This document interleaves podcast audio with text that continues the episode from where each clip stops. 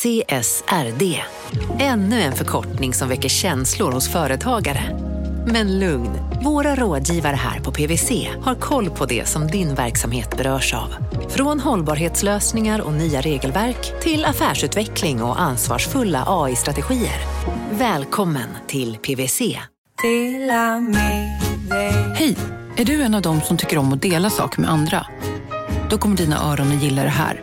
Hos Telenor kan man dela mobilabonnemang. Ju fler ni är, desto billigare blir det. Skaffa Telenor familj med upp till sju extra användare.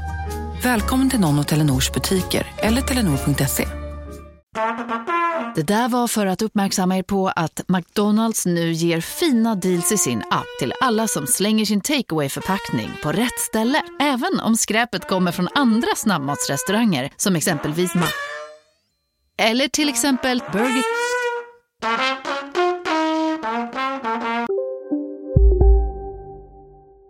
Idag kan du köpa romanesco, du kan ju köpa romansallad, du kan ju köpa bataviasallad, frisérsallad. Okej, vad, vad är det här? Låt mig fråga så här. Eh, när köpte du senast ett salladshuvud? Ett helt salladshuvud? Jag ska snart svara på din fråga. Eh, men först, hej och välkomna till Kapitalet eh, med mig Jakob Bursell och idag även med Carl-Johan Ulvenäs som vi har skickat Salladsexpert. salladsexpert som vi har skickat ut på ett litet specialuppdrag. Och eh, som svar på din lite udda fråga då Carl-Johan, aldrig, jag köper nog aldrig salladshuvuden. Nej, då är, vi, då är vi lika där. Jag tror att jag har exakt noll gånger köpt ett helt salladshuvud. Och det kanske säger mer om mig, men jag följer i alla fall ett konsumtionsmönster. Det är att man handlar färdigskuren färdigskuren sallad. För dig och mig så är ju sallad då kanske bara någon slags komplement till all annan mat, men för Björn Johansson så är det här en del av livet och en industri som omsätter hundratals miljoner. Generellt så är det ju så att vi slänger 50% av våra grönsaker många gånger som vi tar hem. Dels för att det blir kvar i kylen, liksom ett halvt salladshuvud och så använder du inte det och så ruttnar det och så får du slänga det. Och det är ju det som då naturligtvis eh, motiverar att köpa en färdig påse där du kan använda 100 och du vet ungefär. Kostar den 19,90 eller 29,90? Ja, idag handlar kapitalet till 100% om sallad. Eh, och jag menar, varför inte? Idén till avsnittet eh, dök upp via ett tips. Eh, jag vet inte vem eller hur eller ens när. Utan det enda som liksom etsade sig fast i huvudet var ni borde titta lite närmare på det här med färdigpackad, färdigskuren sallad. Det finns någonting där. Och vi misstror ju inte våra lyssnare eh, när ni kommer med tips, så vi tog kontakt med Carl-Johan som i sin tur sökte upp Björn Johansson och eh, jobbar i en koncern som heter Greenfood idag. Och min titel är affärsområdeschef för det som vi kallar eh, färdigskurna färska grönsaker och sallader. Eh, all- all- allmänt benämnt då Fresh Cut. Och visst är han affärsområdeschef, men han är också okrönt svensk salladskung.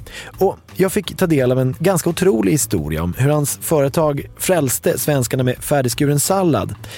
Som bland annat kom att beröra Paul Lederhausen, terrorattackerna den 11 september och en gammal hedlig tvättcentrifug.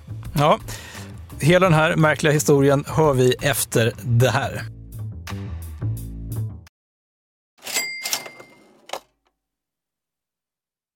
Vi sponsras av Storbrand Asset Management som ju förvaltar över 1000 miljarder norska kronor, bland annat för SPPs eh, många pensionssparare. För två år sedan så investerade Storbrand i drygt 60 tåg, alltså tågvagnar, eh, som rullar mellan London och Skottland. De leasar sedan de här tågvagnarna till tågoperatören som alltså kör tågen och säljer biljetter och sånt eh, med ett avtal på 27 år. Så britterna får nya fina tåg och Storbrands kunder, eh, däribland alltså SPPs pensionssparare, får en inflationsskyddad avkastning med låga risker under lång tid. Det här är ett av supermånga exempel på hur pensionskapitalet i växande omfattning bidrar till att bygga samhället och inte minst till att klara klimatmålen. Det behövs elproduktion, elnät, batteriparker, nya transportlösningar och allt möjligt. Bara i Europa antas investeringsbehovet för att klara klimatmålen uppgå till tusentals miljarder dollar. Och det här är ju pengar som ganska ofta saknas i statsbudgetarna.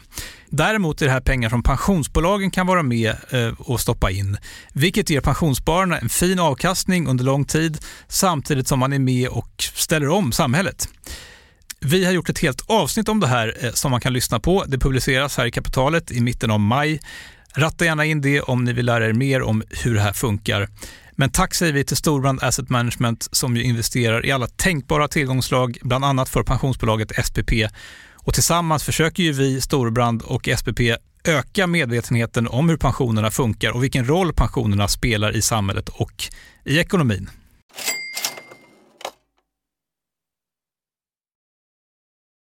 –1989, om du tänker dig en butik Ja, alltså då är liksom, det är fortfarande kvar liksom på isbergssallad och tomater och huvudsallad och sånt. Det är ju hela huvudet. Det fanns ju i princip ingenting som var förbearbetat eller processat som vi kallar det, utan det var ju traditionella grönsaker alltså. Ja, Björn Johansson är som sagt områdeschef för det som kallas Fresh Cut. Och det innebär alltså färdigskuren sallad inom koncernen Green Food som också äger bland annat Piccadilly, de här salladsbarerna som finns lite överallt. Tack. Och att sallad går att köpa färdigskuren, det är ju inte så häpnadsväckande idag. Men så har det inte alltid sett ut. Nej, och grejen är, jag kan nästan minnas bilder från barndomen där min mamma liksom står med en brödkniv och skär sån här eh, salladshuvuden i, i, i, tunna skivor. Det var, det var ju så man gjorde. Ett liksom. annat Sverige känns det som. Ett annat liv. Ett annat liv. Men den här historien, den börjar egentligen med Paul Lederhausen, han som startade McDonalds i Sverige. Han har, förutom ett eh, väldigt maktingivande namn, även enligt Björn en väldigt maktingivande aura. Och de träffas för första gången i Göteborg för nästan exakt 30 år sedan, när Björn tillverkade glass faktiskt i livsmedelsbranschen. Och eh, det var så här att jag eh, var och här god vän med en licenstagare på McDonalds som heter Claes Dunér. Och eh, han frågade mig om inte vid något tillfälle om inte vi kunde hjälpa till att leverera glasstårtor till McDonalds. För de hade ju barnkalas då som de ville ha glasstårtor De var väldigt dåliga tyckte han. Så vi tog fram en glasstårta i vår lilla livsmedelsproduktion som vi hade då och hade startat. Och där Eh, var vi så finurliga så att vi la eh, jordgubbssylt på toppen på den och sen så hade vi stansat ut ett litet marsipan-M då, alltså McDonalds M. Och det tyckte de var väldigt bra. Så det fick jag möjlighet att leverera. Eh, på den tiden fanns det väl kanske 12 restauranger, 12-13 McDonalds restauranger i Sverige. Sen gick det väl några månader och, och sen säger Claes till mig så här. Ja, eh, jag skulle ju vilja också. Jag vet ju att nu har ju ni livsmedelslokaler. Varför, varför kan ni inte ta hand om våran sallad? För vi står ju och skär den här salladen på våra McDonalds restauranger i Sverige. Här. Eh, och eh, ja, varför inte det kanske vi kan göra. Så jag lånade Klas eh, helt enkelt skärmaskin, lilla skärmaskinen han hade och började att skära sallad då i stora hinkar med vatten. Som vi levererade in till de här få McDonalds restaurangerna då i Göteborg. Det var väl en eller två på den tiden. Och Björn är liksom restaurangbarn i grunden. Alltså, eller hans familj har ägt restauranger. Och han har alltid vetat att det är livsmedel han kommer jobba med. Eh, under gymnasiet så driver han ett bageri och sen leder det ena till det andra. Bageri, glass och sen grönsaker. Det gick, det gick åt det nyttiga hållet. Så det här med livsmedel är inget nytt för honom, men det ska visa sig att den här idén med att McDonalds ska få färdigskuren sallad levererad till sig är något som inte bara ska vara på restaurangerna i Göteborg. Det ska han bli varse en morgon när han ska göra en av sina salladsleveranser. Det var ju, det var ju helt tomt där på morgonen. Jag tror inte restaurangen var, den var inte öppen ens. Eh, och jag hade bara parkerat bilen på utsidan och det var ju så att vi levererade stora sådana här hinkar, alltså vita som man egentligen ja, som man har majonnäs i eller någonting sånt där som på restauranger så att vi hade återanvänt dem. Så står det en herre där bakom disken och pratar med Claes Dunér. Och jag pep ju in där med mina små hinkar och han ryckte ju till med ögonen och liksom, vem är det du släpper in där ungefär i restaurangen? Får vem som helst springa här. Mycket pondus och väldigt tydlig med vad han vill och, och eh, jag var ju väldigt ung på den tiden. Var väl inte mer än 23-24 år gammal tror jag. Och han säger till Claes, ja vad är det för filur som står där? Jo, eh, han hjälper mig med grönsakerna. Eh, så jag får det varje morgon inlevererat istället för att vi står här på restaurangen. Och då så tittade Paul Lederhausen på mig och så sa han så här att eh, kan du finnas på mitt kontor i Stockholm imorgon? Vad vet du om den här Paul Lederhausen? Nej, men jag, jag, vet inte mycket annat än att han är liksom mannen som tog in McDonalds till Sverige. Och det är en otrolig men, entreprenörssaga. Uttrycket näsa för affärer känns som att det passar in väldigt bra på honom. Verkligen. Han, han har skrivit en självbiografi som heter Hungrig jämt, tror jag. Jag tycker att det är en fyndig titel. McDonalds har på den här tiden funnits i drygt 15 år i Sverige och har fortfarande bara runt 13 restauranger. Om man jämför det med idag där de är runt 220-230. Men de håller på och växer så det knakar. Så Björn och hans partner Jonas flyger helt enkelt upp till Stockholm dagen efter. Och där möter de Paul på hans kontor där de blir erbjudna att helt enkelt distribuera sallad till alla Sveriges McDonalds-restauranger. Det där är en jädra bra affärsidé, sa han. Jag vet att i USA har McDonalds stora fabriker som skär sallad till dem. Eh, och han tittade med djupt i ögonen och jag, jag mm, sa ja, vi har precis börjat här nu och, och, och, det fungerar jättebra. Och det var ju filosofin alltså från början. Man sa väldigt tidigt, Ray Kroc som han grundaren hette utav McDonalds i USA, han sa väldigt tidigt vi ska inte äga våra underleverantörer och vi ska inte hålla på med köttet eller brödet eller i salladen. Vi ska fokusera på att sälja hamburgare vid disken. Alltså det är ju så sjukt, det är en så typisk så filmisk entreprenörshistoria där kille som är 20 år som typ eh, sitter i någon källare och gör tårtor och, så träffar han en superentreprenör och så får han liksom komma till ett kontor dagen efter och sen rätt vad det är så har han, har han världens största business. Jag är inte säker på att Björn får en biopic, men i den biopicen så är den här scenen otroligt nice. Eller hur? Eh, Björn och hans partner Jonas flygs då till USA där de ska få en bild hur, eh, hur de ska göra för att liksom skala upp verksamheten. Man trodde inte det var sant när man såg allt detta. Alltså de försåg 4000 restauranger då med, med sallad. Men vi kunde ju inte, den typen av maskiner de hade var ju så stora och gigantiska så det var ju ingenting vi kunde köpa. Så vi var ju tvungna att, liksom, att, att tänka om och börja tillverka maskiner som såg likadana ut fast mycket mindre. De blir tvungna att göra lite mer för, försvenskat det är ju så att man måste slunga salladen, man måste alltså dra ut vatten ur den. Så vi bestämde oss för att köpa en gammal eh, tvättcentrifug helt enkelt. Och eh, det gjorde vi. Och den fick vi helt enkelt borra upp hela toppen på. För att man var tvungen att sänka ner korgar med sallad och den. Så vi borrade upp denna stora tvättcentrifugen, tog bort locket på den och tillverkade en korg som vi sänkte ner. Och så startade vi då och började processa sallad i den historien fortsätter ju väldigt fort för att det var ju så för att då kunna göra alla de här salladsprodukterna till McDonalds var vi ju tvungna att, att ha leverantörer och vi insåg ju att, att det måste vi få på rätt ställen och då var det ju södra Sverige som var importen utav frukt och grönt. Och alla odlingar framförallt låg ju i södra Sverige. Okej, okay, så de kommer då i kontakt med en leverantör, eh, alltså en salladsodlare typ i Skåne, eh, som blir så exalterad över den här idén att han ja, sätter sig i bilen och kör upp till Göteborg ja, i princip på en gång kom in där på vårt kontor och sa fasiken det är intressant grej ni har här killar. Alltså det här, jag har sett det här lite bara komma i Europa och det här tror jag på. Han var ju en superentreprenör själv och ägde ju sitt bolag till 100 procent.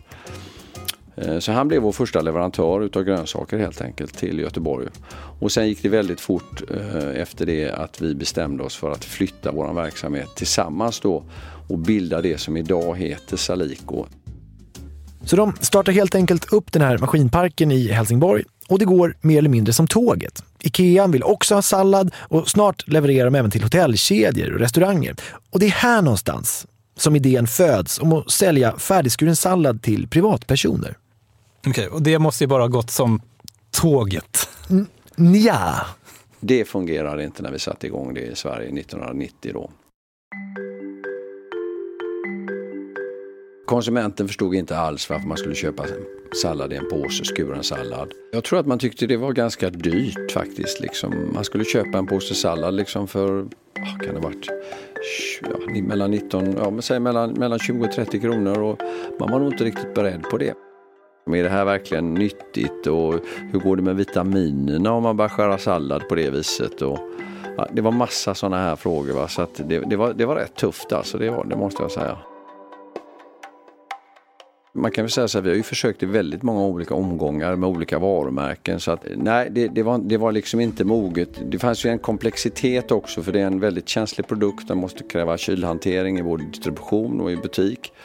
Och man hade inte på samma sätt den kylhanteringen i frukt och grönt eh, då när vi satte igång 1990. Så att vi hade en del kvalitetsproblem och, och mycket, mycket, ja folk, folk, det var inte moget helt enkelt. Man, man förstod inte det att det, det kommer komma förr eller senare. Men vi låg ju liksom tio år efter i USA och Europa på det här. Och vi såg ju vilken fart det hade tagit där så vi förstod att det kommer tillbaks. Men det tog tio år innan vi faktiskt lanserade det igen på butik. Vi vet ju att det här kommer tillbaka, för de här salladspåsarna, det är ju typ det första man ser när man går in i vilken butik som, som helst. Och de finns överallt. Ja, och på bara tio år hade Björn blivit en dominant kraft på den svenska salladsmarknaden. Och var det någon som skulle lyckas med att få svenska konsumenter att köpa färdigskuren sallad så var det Björn Johansson. Men när produkten väl slog igenom gick det inte riktigt som man hade tänkt sig. Och varför det inte riktigt gick som eh, Björn Johansson hade tänkt sig, det hör ni efter det här. Kapitalet sponsras av Master Exchange, plattformen där du som privatperson kan investera i låtar och får pengar varje gång de här låtarna spelas. Eh, vi berättade ju senast eh, om barnlåten Puff the Magic Dragon som noterades av Master Exchange under våren. Nu har utdelningen på den låten kommit, eller royaltyn som vi säger i musikbranschen. Eh, den ligger på drygt 12% i årstakt och det här är ju en avkastning som är helt okorrelerad till eh, börsen. Till och med Goldman Sachs har börjat skriva om just musik som investering eh, just ur det här perspektivet. Nu finns en möjlighet att investera i en ny låt. Låten heter Boss Bitch och den är av Doja Cat som, alltså jag ska inte säga att jag är superdeep här men eh, det är ändå en, en, person som jag vet om det är. En, en världskändis. Den här låten gav baserad på förra årets spelningar en avkastning på drygt 13% Master Exchange har just nu en väntelista på registreringar. Det, det går lite för bra för dem kan man säga. Men Skriver ni in kapitalet som promo code så kan ni eh, runda kön och ansöka om andelar i låten Boss Bitch ändå. Om ni investerar helt vanliga pengar, det är inget krypto eller sånt där, så vill du investera i musik och få en avkastning som är helt okorrelerad med börsen och kanske inte minst för att det är kul att äga låtar eh, så kan man gå in på masterexchange.com och använda kapitalet som promo code så går man alltså förbi kön. Kom ihåg dock att alla investeringar är förenade med risk, men vi säger stort, stort tack till Master Exchange. Kapitalet sponsras av Karla, Jakob. Ja, bilar igen. Ja, det är eh, härligt. På Karla kan man sälja sin elbil eh, på det gissningsvis smidigaste sättet i Sverige. Eh, Karla har ju ett nästan ett komiskt högt användarbetyg på Trustpilot. Mm. 4,8 av 5, vilket jag typ aldrig hört talas om. Nej, det är väldigt, väldigt högt. Eh, man knappar in lite info om bilen på sidan, sen får man en gratis värdering och ett bud. Accepterar du budet kommer Karla och hämtar upp bilen gratis och sätter in pengarna innan de kör iväg. Inget mer än så. Rätt fantastiskt. Nej, det är faktiskt ja. helt otroligt. Och eh, det kan bli ännu mer eh, otroligt än så. Eh, för att vi har nämligen en rabattkod som ger dig 2000 kronor extra för bilen. Så om du säljer din bil så får du två lax extra. Stämmer. Bara sådär. Eh, koden är Monopol och Eh, den uppger du när du har värderat bilen och eh, pratat med Karlas inköpare. Koden är giltig till sista maj, så att passa på om du går i säljartankar. Jag undrar om vi haft en kod som har gett två lax bara sådär någon gång? Nej. Det är helt otroligt. Mm. Man behöver en bil förvisso. Absolut, så det är kanske inte bara sådär, men det är ändå 2000 kronor extra. Väldigt bra. Ja. Så sälj din elbil eller laddhybrid till Karla. Du får 2000 kronor extra med rabattkoden Monopol. Eh, hoppa in och kolla på karla.se Karla Museet. Där kan man också köpa bilar, ska jag tillägga. Verkligen. Vi säger stort tack till Karla. Eh, Okej, eh, Carl-Johan, du som nu är vår eh, okrönte salladsexpert. Sallads, precis. Salladskompetensen är hyrt in här. Salladskonsulten. Mm. Eh, det gjordes alltså försök att lansera den här färdigpackade, eh, färdigskurna salladen i påsar i matbutikerna på 90-talet. Ja, men det bet inte. Varför då? Alltså konsumenterna tyckte det verkade lite konstigt. Rutinerna för att transportera var liksom inte helt på plats. Men däremot så var företagsmarknaden mycket hetare. Ja, I slutet av 90-talet så levererar eh, Salico, det här är alltså Björn Johanssons företag, eh, till Ikea eh, och McDonalds, alltså några av Sveriges största företag. Men så hittar de också ett nytt och till synes lukrativt affärsområde, nämligen mat på flygplan, vilket runt millennieskiftet är en jätteindustri. Så vi gjorde i princip kan man säga alla deras grönsaker som fanns på alla egentligen flygbolag som gick ifrån Arlanda kan man säga oavsett om det var första klass eller, eller om det var liksom ekonomiklass. Den tiden var ju det mer vanligt att man fick måltid även liksom i ekonomiklass vilket gjorde att det var väldigt mycket större volym. Och det förändrades ju eh, drastiskt då efter, efter eh, 9-11. Eh, Something else has just happened at the World Trade Center. The whole building has collapsed. The building has collapsed. De har enligt uppgift kapats. Alla offentliga byggnader i de båda städerna New York och Washington alltså har utrymts. Alla flyg har ställts in i USA. Eh, då kom sekreteraren in där och berättade att det här hade hänt och ba, ba, ba. Och min första tanke var ju faktiskt precis just det att det här kommer ju påverka flygindustrin va? och det kommer påverka oss ganska kraftigt. Med tanke på att vi hade väldigt mycket, liksom 80 procent av vår produktion här i Stockholm var faktiskt till Arlanda i det fallet. Utöver allt annat i samhället som har förändrats efter 9-11 så tog sig ju då flygindustrin en jättetörn. Det var ju redan innan en bransch som hade ekonomiska problem. Eh, då flygbolagen fick stora bekymmer och var tvungna att införa stora besparingar och med mera, med mera. Och då försvann ju mycket av den här maten som fanns, alltså i ekonomiklass över en natt och det gjorde ju att vi fick väldigt, väldigt, väldigt besvärligt att eh, kunna upprätthålla den produktionen på den anläggningen faktiskt. Det tog kanske, vad kan det ha tagit, det tog väl ett par år kanske innan det liksom blev lite sämre och sämre. Det var inte liksom över en natt men så det gjorde att vi stängde den anläggningen då, ska vi se, 2005 ungefär och flyttade verksamheter och maskiner ner till Helsingborg. Vi har ju redan konstaterat att vi, liksom många andra människor, aldrig köper salladshuvuden. Nej, man ser dem knappt längre. Exakt. Så när skedde den här förändringen? Alltså den har ju, den har ju skett stegvis. Den förändringen skedde faktiskt, om jag ska... Det kom när ICA blev hade bestämt sig för att satsa på den kategorin. ICA och Coop. Coop satsade ju, alltså när de satsade på att liksom se till att det skulle finnas riktiga kylar i butiken, att det blev en liksom lite bredare kategori, liksom, eh, det blev mer påsar i butikerna, vi utvidgade sortimenterna till butikskedjorna. Eh, och de satsade helt enkelt väldigt mycket mer på det och då, då, då började det hända grejer. Det behövde, liksom, det behövde få några hyllmeter där man ser liksom de olika påsarna. I början var det liksom, stod det tio påsar lite förskräckt i ett hörn. Va? Idag står det liksom 200-300 påsar så att det blir en annan impact. Det är alltså när de liksom stora drakarna hoppar på det här som konsumenterna förstår grejen med färdigskuren sallad. Så det, det räcker inte alltid med att ha en bra idé, utan det måste också ligga rätt i tiden. Och idag är det ett gäng företag som håller på med det här. Det finns en del källarhackare som vi kallar det, det är ju lite mindre verksamheter kanske, eh, som också dykt upp med åren. Men, men det finns i alla fall tre stora spelare i Sverige idag största konkurrent kan man väl säga då, det är ett företag som heter Dole då, Freshcut som också finns och har en stor fabrik i, i Helsing, Helsingborg och en fabrik i Helsingfors. Eh, och sen så finns det ju Everfresh Group och de har ju också färdigskurna sallader genom Vidinge grönt. Och, så de har också en stor fin fabrik där nere. Ja, enkelt sammanfattat skulle man kunna säga att Dole genom olika bolag levererar till ICA och Axfood och Everfresh Group levererar till Coop. Men att salladen säljs under deras egna varumärken som ICA sallad och Coops sallad. Okej, men vänta, vänta nu. Björn Johansson, eh, han som då själv har i sitt anletes svett har byggt upp den här marknaden för färdigskuren sallad. Salladens Walter White. Exakt. När det här verkligen händer och produkten ska ut till konsumenterna, som han själv försökte på 90-talet, då är inte han med. Nej, alltså de kände att de brände sig för mycket under 90-talet och var lite försiktiga. Så när sen de stora butikerna går in så gör de det med andra leverantörer. Vårt bolag är ju mer, mer, mer fokuserat på Horeca så att säga, eller på storkökssidan och restaurang och industrisidan och lite mindre på detaljhandel. Och, och, våra konkurrenter eller våra kollegor de är, mer, de är mer på detaljhandeln. Och det är ju ett resultat av att vi har varit försiktigare på detaljhandeln och lite rädda faktiskt då med tanke på att vi brände oss lite grann i början. Men, men nu växer ju marknaden så mycket så att nu, nu, är, nu är vi med och vi kommer vara med och vi ska satsa ytterligare faktiskt på, på detaljerna. Vi tror jättemycket på det. Och här kommer jag då tillbaka till den här liksom megatrenden inom dagligvaruhandeln med butikernas egna varumärken. Eh, en fråga som vi har behandlat ganska eh, uttömmande i, i kapitalet tidigare.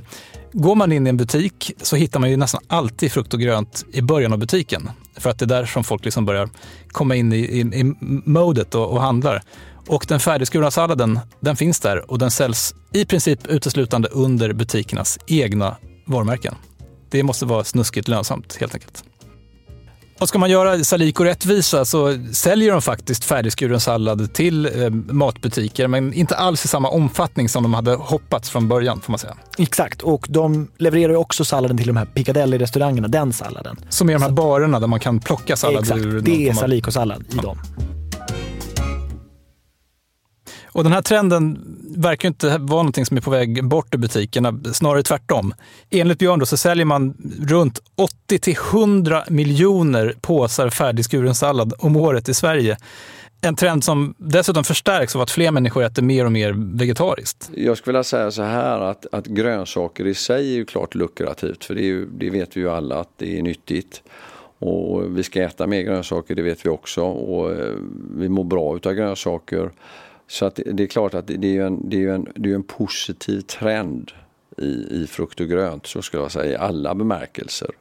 Så att det är ju inte bara just färdigskurna grejer utan det är även faktiskt traditionell helfrukt och grönt. Eh, och det är klart att det, det, är väl en, det, är väl, det är väl det som gör att det är rätt så attraktivt, det tror jag. Det, det, det, vi har väl säkert bara sett början på vår konsumtion i frukt och grönt tror jag. Den veganska trenden är ju väldigt stark, det vet vi också. Och folk äter ju, äter ju eh, mindre och mindre kött och mer fisk och grönsaker. Och, så att eh, vi tror ju att det där kommer växa hur mycket som helst. Det, det, det tror jag. Ja, så de missade lite tåget med färdigskuret i butikerna. Men vi ska säga att det är inte synd om Salico, som är Björns företag. Då. Förra året omsatte de runt 450 miljoner kronor. Ja, och det är mycket i världen som man inte tänker på, bland annat då salladsmarknaden.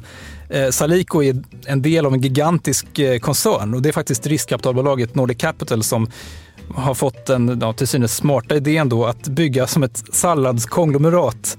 Eh, och idag så säljer STC Greenfood, som liksom koncernen heter, frukt och grönt för typ 4 miljarder kronor eh, med 700 anställda. Eh, Sen finns det en lite lustig liksom, omständighet med den här salladsindustrin. Eh, var finns det någonstans? Eh, Helsingborg. Alltså, vad man än ska göra, eh, vem man än vill prata med om sallad eller frukt, så finns de i Helsingborg. Jag undrar vad som är, vad, vad, vad som är hemligheten. Det är någon en bördig jord. Vad är tjusningen med Helsingborg? Ja, hur som helst, den här björnen verkar ju ändå ha liksom tentaklarna ute. Så vad händer med salladsmarknaden i framtiden? Alltså det som sker mycket inom det, det segmentet vi är, nu är det ju så att vi gör ju väldigt mycket mer, vad ska jag säga, eh, ready meal sallad, alltså färdiga sallader. Vi gör ju egentligen inte bara grönsaker som är blandade utan nu tillsätter vi andra grejer, proteiner och sånt som man gör en färdig sallad. Det där växer ju så det knakar va? för att det är ju en väldigt stark hälsotrend också. Va?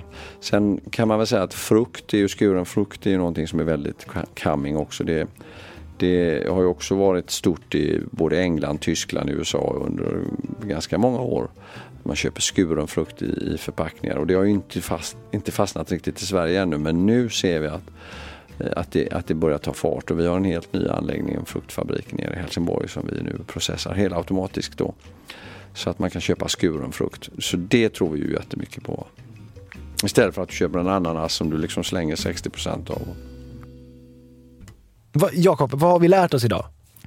Nej, men vi har lärt oss eh, mycket av det här, men en sak som man kan ta med sig det är att det räcker ju liksom inte att ha en riktigt, riktigt bra idé, för att om inte tajmingen är rätt så spelar det ingen roll. Och det krävdes också för Björn Johansson att tiderna på något sätt förändrades innan eh, den här liksom, verksamheten kunde få fäste. Med tiden så har ju liksom konsumtionen och ekonomin förbättrats rätt mycket och, och framförallt så tror jag att folk har ju liksom blivit mer, mer eh, vad ska man säga, lagar mindre mat, köper mer halvfabrikat helt enkelt. Jobbar mer och eh, båda hushållen, det, är ju liksom, det, det, har ju hjälpt oss jättemycket. Ja, vill man dra på riktigt höga växlar så, så kan man säga att den färdigskurna salladen är lite som en, det är en symbol för, för det modernare Sverige. Vi, vi jobbar mer, vi tjänar mer pengar och, och köper på olika sätt i den förlorade tiden. Och så finns det en annan grej som jag tycker är så otroligt fascinerande. Att man kan ta något riktigt, riktigt oansenligt, alltså typ sallad, och bakom den här salladen hitta en otrolig story om en kille som har stått med någon tvättmaskin i någon källare och tvättat sallad som han har burit i hinkar eh, i vatten till McDonalds. Och att det här blir ett början på alltså ett imperium, ett salladsimperium som idag säljer frukt och grönt för 4 miljarder kronor. Det är hårresande, bara i kapitalet. Och ett stort tack till dig Carl-Johan för eh, allt du har lärt oss om eh, salladsindustrin. Eh, med de här orden så säger vi tack och hej för idag. Kapitalet är tillbaka om en vecka.